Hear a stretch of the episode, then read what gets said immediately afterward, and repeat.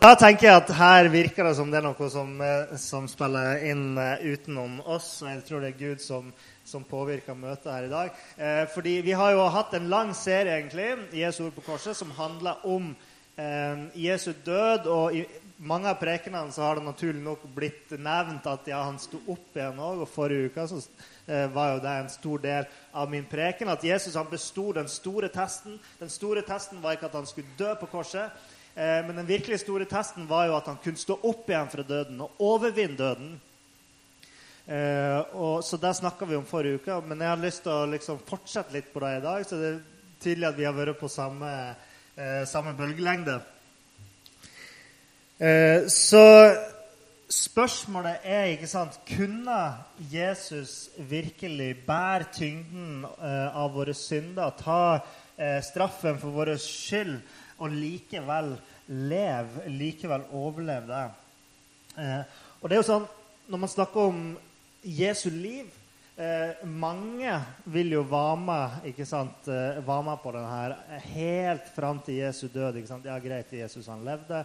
Ja, Jesus han døde. Og de er med helt fram der. Men når vi begynner å snakke om Jesu oppstandelse, det er der mange detter av lasset. Eh, og Paulus han skriver i 1. Korinterbrev kapittel 15, vers 17 og 19 Hvis Kristus ikke sto opp, eller ikke er stått opp, da er deres tro uten mening, og dere er fremdeles i deres synder. Da er de også fortapt, de som har sovnet inn i Kristus. Hvis vårt håp til Kristus gjelder bare for dette livet, er vi de ynkeligste av alle mennesker. For hvis Jesus ikke sto opp fra de døde, så er jo troa vår Det er jo grunnlaget for troa vår borte. Og det er helt uten hold.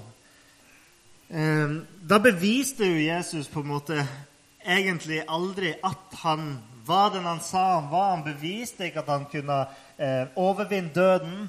Han ble, det, han ble ikke, den Messias som man hadde trodd, verken på ene eller andre måten. Så som Paulus sier, hvis vårt håp til Kristus eh, bare gjelder for dette livet, altså hvis våre, vi setter vår lit til Han, eh, og det skulle vise at han ikke overvant døden, så hjelper det oss jo ikke når vi skal møte våre skaper i det neste. Så som vi nevnte forrige uke, disiplene de forsto at Jesus han skulle bli borte på en eller annen måte. Eh, og, og de forsto at han skulle komme tilbake igjen. Eh, men de forsto ikke at dette betød at, skulle, at han, ja, han, skulle bli reist fra de døde. De forsto liksom ikke helt hva han mente, men, men de, de forsto at ok, han skal bli borte for oss en stund. Han skal, skal dra på ferie, eller han skal gå ut i ørkenen i 40 dager, sånn som han gjorde for lenge siden. eller ikke sant? Så eh, dagene etter Jesu død var garantert fylt med eh, uro, med, med, med, sorg for dem, for de hadde mista en person som de elska, og som de hadde brukt de tre siste årene av sitt liv på å følge, eh, og som, eh, som, de hadde satt sin lit til, som de hadde satt sin tro til, og, og som de hadde på en måte eh, gitt alt for å følge. Eh, og nå viste det seg at de kanskje hadde gjort det forgjeves. Så vi skal se litt på hva som skjedde de her dagene etter Jesu død på korset. Så hvis du eh, egentlig var litt lei av å høre om påskebudskapet, om at Jesus har stått opp, så, eh, så får jeg skuffe deg der. fordi her i kirka vår så feirer vi jo på en måte påske hele året. Vi feirer alltid at Jesus han er stått opp. Så, så vi er ikke ferdig med påsken sjøl om, om, vi ikke har påske i dag. Budskapet i påsken er Kristi oppstandelse, og det feirer vi alltid. Og Vi skal lese fra kapittel 20 i i Johannesevangeliet. Hvis det er noen som har med Bibel, så er det bare å slå opp. Og hvis det er noen av dere som ikke har med Bibel eller ikke har Bibel på mobiltelefon, så kan dere som har Bibel, bruke Bibelen til å banke litt vett inn i de som ikke har Bibel. Jeg tenker at Det er jo sikkert derfor Bibelen er så tjukk. Eh, for Skriften er nyttig til opptuktelse, som det står. Så Nei da, jeg tuller. Ikke slå hverandre med Bibelen. Gir bare en vennlig sånn kakk. Johannes 20, kapittel, eh, Johannes kapittel 20, ja, vers 1-10. Tidlig om morgenen den første dagen i uka, mens det ennå er mørkt, kommer Maria Magdalena til graven. Da ser hun at steinen foran graven er tatt bort. Hun løper av sted og kommer til Simon Peter, den andre disippelen, han som Jesus hadde kjær, og hun sier, 'De har tatt Herren bort fra graven, og vi vet ikke hvor de har lagt ham.' Og Da dro Peter og den andre disippelen og kom ut og kom til graven. De løp sammen så fort de kunne. Men den andre disippelen løp enda fortere enn Peter og kom først. Han bøyde seg fram og så linklærne ligge der, men gikk ikke inn i graven. Simon Peter kom nå etter, og han gikk inn. Han så linklærne lå der, og tørkleet som Jesus hadde hatt over hodet. Det lå ikke sammen med linklærne, men sammenrullet på et sted for seg selv. Da gikk den andre disippelen også inn, han som var kommet først til graven. Han så og trodde. Fram til da hadde de ikke forstått det Skriften sier, at han måtte stå opp fra de døde. Disiplene gikk, disiplene gikk så hjem. Og Bare noen små kommentarer her. For det første er det ikke utrolig at de aller første vitnene til den tomme graven, de aller første vitnene til uh, Jesu oppstandelse, de aller første vitnene om, uh, om uh, evangeliet, det var kvinner. ofte blir jo Kirken beskyldt for å ha et historisk sett å ha hatt et kvinnesyn som har vært liksom, undertrykkende for kvinner. Men Gud han sa de aller første som skal vitne om det her, det skal være kvinner. Så jeg, jeg, jeg føler at der, der, er Bibelen Den løfter opp kvinnene. Eh, på denne tida så hadde ikke kvinnene ikke sant? de hadde ikke samme rettigheter som menn. De kunne ikke vitne i rettssaker og, eh, og, var på langt nær likestilt med menn. Men da sier Gud men kvinnene de kan vitne om hvem jeg er. Mm. For det andre så ser vi eh, her et av en av plassene der Johannes omtaler seg sjøl som disippelen som Jesus hadde kjær. Og Vi vet ikke helt hvorfor Johannes som har skrevet evangeliet, hvorfor han hadde behov for å være anonym når han skrev evangeliet, men han valgte da å omtale seg sjøl på denne måten. Og, og, de som på en måte kjente eh, disiplene, som kjente Johannes, eh, de ville jo visst at, at, det var Johannes det var snakk om her. Og så tenker jeg på det at liksom Eh, uansett hva som er årsaken, tenk på det at Johannes han skriver det her eh, nesten 60 år seinere. Eh, også 60 år etter de her hendelsene. Eh, og det ligger han så nært på hjertet. Og, og, når han skal liksom eh, si hvem han var i forhold til Jesus, så, så sier han han var en som, som eh, hadde med kjær. Tenk at, tenk at han elsker en som er 60 år senere, så tenker han på det tenker at han elsker en som er Jeg var disippelen som han hadde kjær. Så klart han hadde de andre disiplene like kjær som Johannes, men, men sånn føler Johannes det når han skriver det. Hvem er jeg? Hvem er i forhold til Jesus? Jo, er en som han elsker. Og Det, det gjelder òg for, for, oss at vi er noen som Gud elsker. Og så sprang de. Eh, han, eh, Johannes og Peter de sprang. Alltid gått med en løpetur på morgenkvisten sånn. Eh, har jeg hørt. Jeg kan ikke huske at jeg har gjort det sjøl noen gang. Men det er sikkert bra. Og så tydeligvis så var Johannes litt raskere enn Peter, og det eh, syntes Johannes det var viktig å få med seg. Han sprang enda litt fortere til graven. Eh, og jeg har jo vokst opp med eh, eh liksom sånne bilder av Peter. Han er ofte avbilda som en litt sånn, sånn eh, staut og tettvokst kar. ikke sant? Eh, en litt sånn kraftig type. Og, og, kanskje er det her, herifra det kommer at han var ikke den raskeste av disiplene. Det vet jeg ikke. Men uansett. For det tredje eh, så kan vi legge merke til at Jesus, disiplene hadde ikke forstått det her enda, det at Jesus måtte stå opp på en fysisk og legemlig måte. Altså at hans kropp kom til å stå opp fra de døde. Men nå forsto de, står det. Og husk at Johannes han snakka om seg sjøl. Han sprang til graven så fort han kunne fordi han måtte se den tomme graven med sine egne øyne. Og han skriver fram til da hadde de ikke forstått det Skriften sier, at han måtte stå opp fra de døde. De hadde ikke forstått det, skriver Johannes. Og han skriver det om seg sjøl. Det var han som var til stede her. Han hadde ikke forstått det. Og I Johannes 16 så snakker Jesus til disiplene sine om det at han skal dø, om at han, at han skal stå opp igjen. Men sant, disiplene de forstår ikke hele bildet. De forstår at Jesus skal bli borte, at Jesus skal komme igjen. Men Johannes innrømmer her at de hadde ikke forstått helt og fullt hva som skulle skje. Når Jesus døde, så var det gråt, det var klage blant disiplene.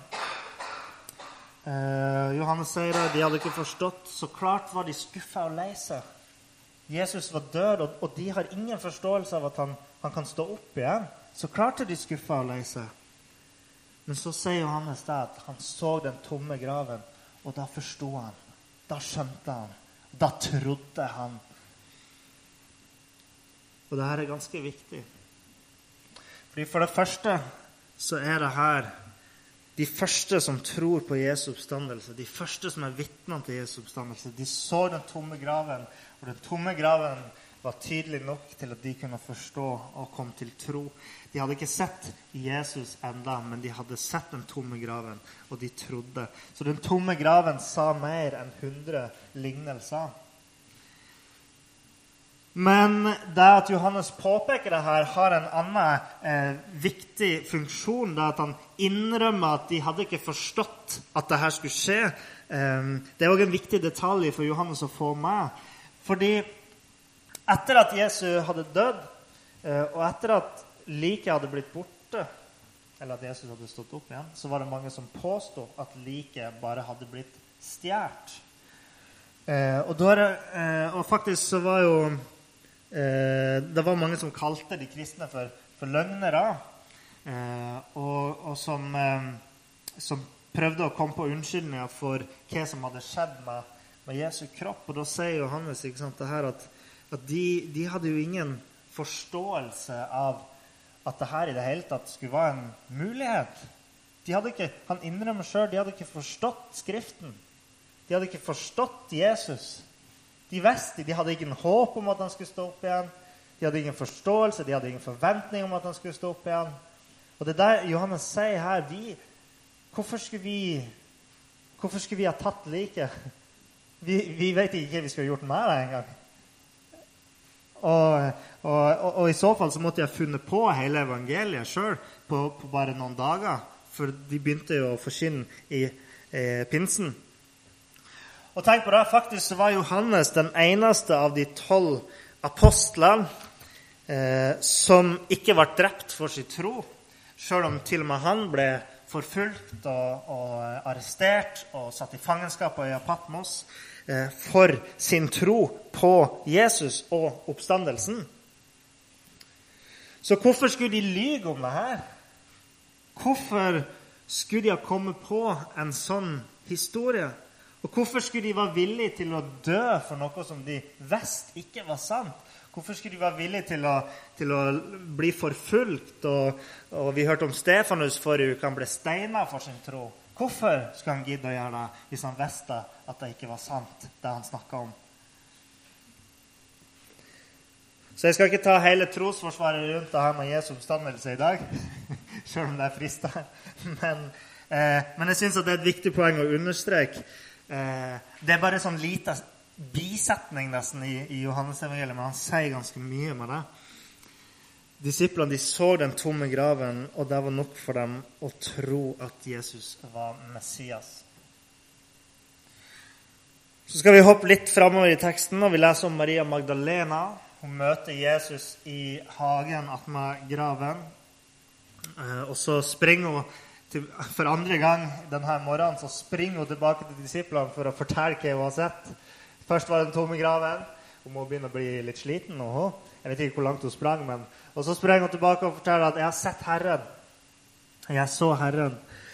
Og ehm, Og eh, Skal vi se Hvor var den ehm, Vers 18, ja. 'Jeg har sett Herren', sier hun. Og så står det fra vers 19. Eh, det var, kvelden, det var om kvelden samme dag, den første dagen i uken. Av frykt for jødene hadde disiplene stengt dørene der de var samlet. Da kom Jesus. Han sto midt iblant dem og sa, 'Fred være med dere.' Og da han hadde sagt det, viste han dem sine hender og sin side. Disiplene ble glade da de så Herren.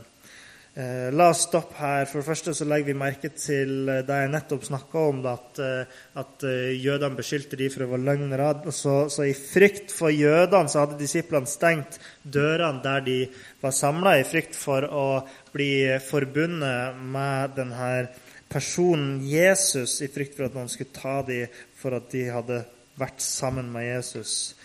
Stengt dørene og Likevel så sto Jesus plutselig midt iblant dem.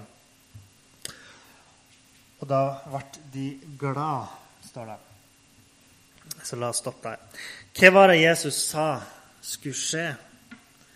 Han sa dere skal sørge, men verden skal glede seg. Dere, nei, dere skal sørge, men sorgen skal bli forvandlet til glede. Disiplene ble glade da de så Herren. Jesus han ga dem hele tida sånne nesten helt tydelige hint om hva som skulle skje. Han, eh, hadde han bare lagt til noen få ord i noen setninger, som han hadde sagt, så hadde de skjønt hele greia. Hør, ikke sant? Jesus sa at de skulle sørge når han dør, men sorgen skal bli forvandlet til glede når jeg står opp fra de døde. Hadde han bare lagt til de ordene, ikke sant? så hadde de skjønt alt. Men det var det her som skjedde nå. Og jeg mistenker at Eller når jeg leser det ikke sant, eh, de, de, møtte Jesus, og står det ja, de ble glade. Og da tenker jeg sånn Det høres litt for enkelt ut. Fordi altså, jeg sier til dere Så hyggelig å se dere. ikke sant? Møtte Arne i gangen. Så glad for å se deg. ikke sant? Og det, og det, er helt greit, men det høres liksom litt sånn enkelt ut når, de bare, når det bare står 'de ble glade'. Så klart ble de glade, men men eh, vi sier at vi blir glad over så mye rart. sant? Hvis jeg går på butikken og så tror jeg at jeg har glemt bankkortet, og så blir jeg stressa, og så finner jeg Åh, der. Ah, nå var jeg glad for at jeg slapp å kjøre hjem igjen for å hente kortet. sant? Pannekaker til middag. Åh, nå er jeg glad! Takk skal du ha, Kjersti, for at du lager pannekaker til middag. sant? Det jo, men det Johannes prøver å få fram, er ikke, er ikke bare en sånn 'Å, Jesus, er det du som kommer? Så, så glad for å se deg.' Sant?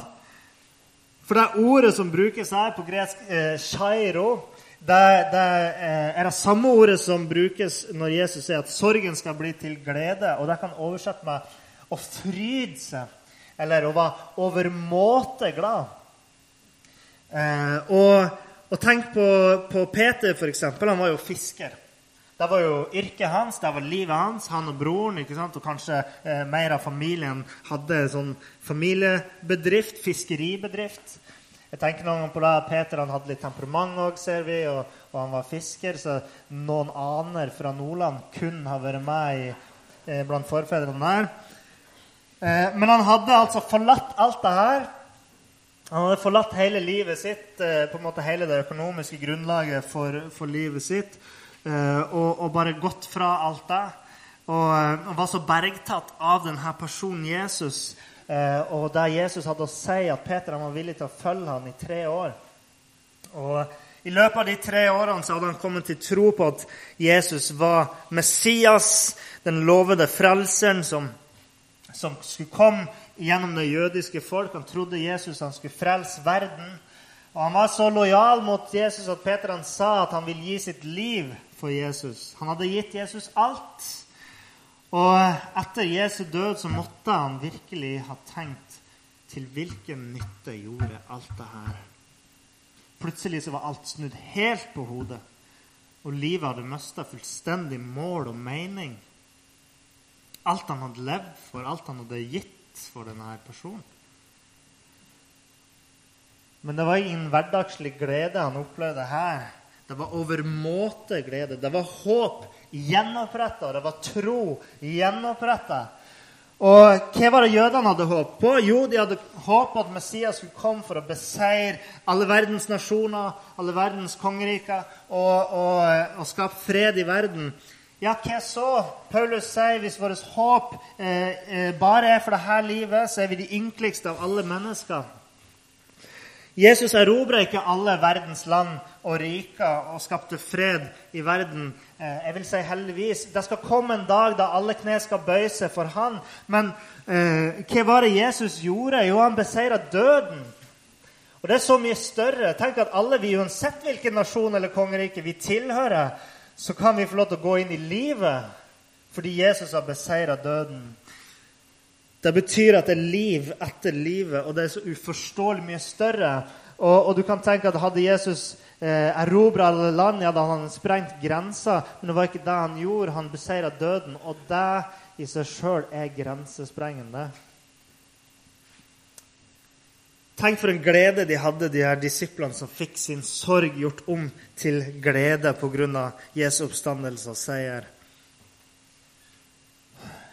Hør ikke Peter skrive noen år seinere, når han skriver et brev, første Peters brev, skriver til de kristne, noen av de kristne i Lille Asia.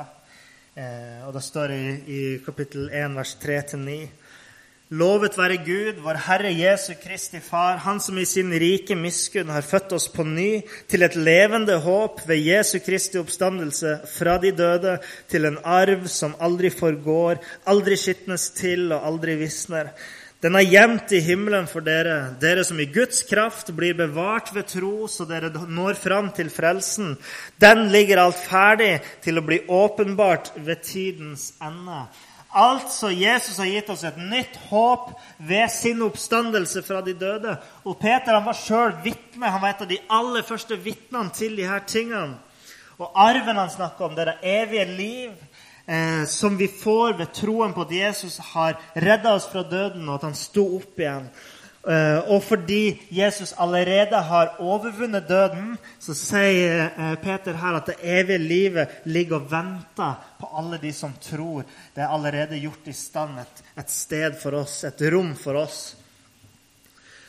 Og så hør her, fordi her skriver Peter om, om den samme gleden som han sjøl opplevde da han fikk se den gjenoppståtte Jesus. Han skriver fra vers 6.: Derfor kan dere juble av glede selv om dere nå en kort tid, om så må være, har det tungt i mange slags prøvelser. Slik har troen deres blitt prøvet. Selv forgjengelig gull blir prøvet i ild. Troen som er så mye verdt, må også prøves, så den kan bli til pris og herlighet og ære for dere når Jesus Kristus åpenbarer seg. Ham elsker dere, enda dere ikke har sett ham. Han tror dere på, enda dere nå ikke ser ham. Og dere jubler og er fylt av en glede så herlig at den ikke kan rommes i ord. For dere når troens mål, frelse for deres sjeler. Wow. For en utrolig glede det han beskriver her. Hvilken glede har du i livet ditt som er så stor at den ikke kan rommes i ord? Tør jeg å si at ingen har en sånn glede i livet utenom Jesus? tør å si at du har ingenting i livet ditt som er så godt at du ikke kan romme den gleden i ord utenom den frelsen vi har i Jesus. Det har vært mye snakk om Notre-Dame i Paris den siste tida. Og eh, en venn i USA han laga en podkast sammen med en, en, annen kompis. De snakka om spørsmålet bør kristne støtte gjenoppbygginga av Notre-Dame. For det har jo vært så mye Eh, donasjoner og sånn til gjenoppbygginga. Så kom jo kritikerne og sa nei, hvorfor bruker vi penger på det her? Hvorfor gir vi ikke heller pengene til de fattige? Uansett. Og så skrev jeg til han Jeg var ikke så opptatt av liksom å svare på det spørsmålet, men jeg fikk noen bibelvers som jeg delte med han, og, og, så, og så, skrev jeg at eh, Hvor ironisk det er at i påsken, i høytida for å feire Jesus' oppstandelse og den gleden vi skal ha i den tryggheten vi har i frelsen i Jesus. Hvor ironisk det er at i denne høytida så er det mange kristne som vil tenke mer på denne bygninga, på denne samlinga av stein, enn den gleden og freden vi skal ha i Jesus. Og Jeg sa det at jeg har sjøl sett Notre-Dame, nydelig kirke.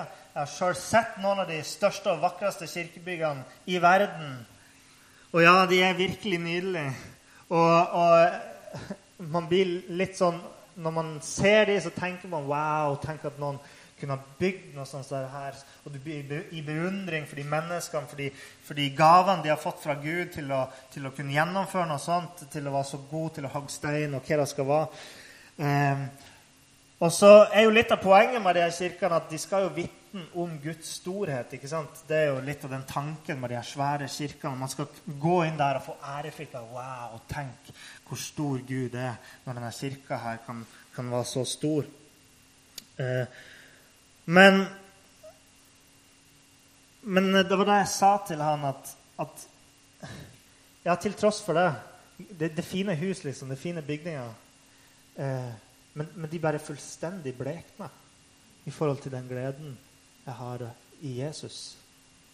De, de, er, bare, de er ingenting. Blekna det er for svakt et ord. De er ingenting. De er ikke verdt noen ting i forhold til frelsen.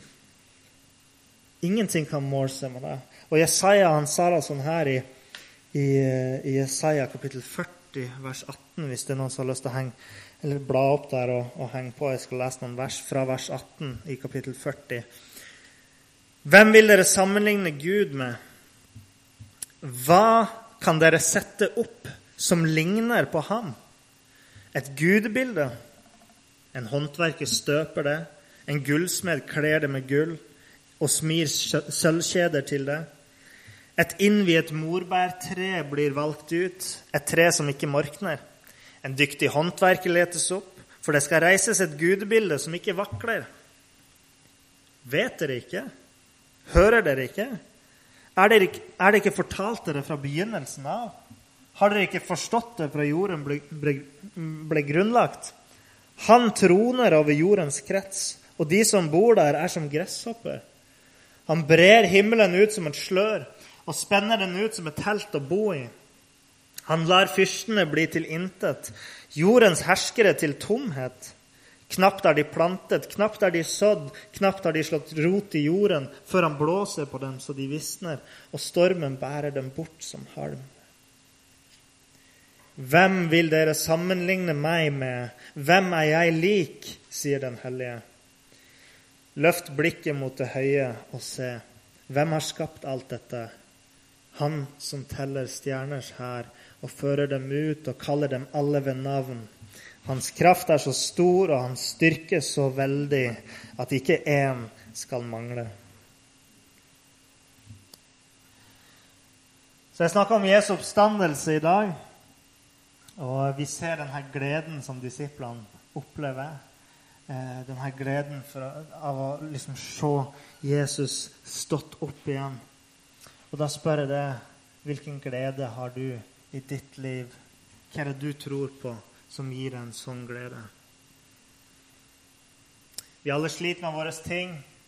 Det er alle våre utfordringer som vi er nødt til å møte. og Vi, vi har alle opplevd hvordan synden kan eh, spise opp sider av vårt liv hvordan makt den kan ha, hvordan mørke den kan legge over oss. Og Kanskje er du her i dag som kjenner at til tross for alt det gode du har i livet ditt, så kjenner du at det fortsatt er en lengsel. Du har alltid et jag etter mer. Det er alltid et tomrom som trenger å fylles og mettes. Eller kanskje du er her i dag og du kjenner at du trenger utfrielse fra en synd som holder deg nede. Det her er det tomme mørket som synden skaper oss. En lengsel som aldri kan mettes. En sorg som aldri kan slukkes. Det er bare én som kan stille din lengsel, og kan, som kan slukke din sorg, og som kan sette deg fri fra synden og fra døden. Og det er Jesus Kristus. Det er troen på at han sto opp. Du har hørt dette navnet før.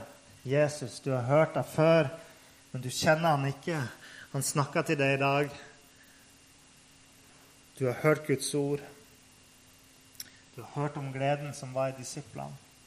Du har hørt om gleden som de kristne hadde, som Peter uttrykte, til de som kunne juble glede til tross for de utfordringene de strevde med.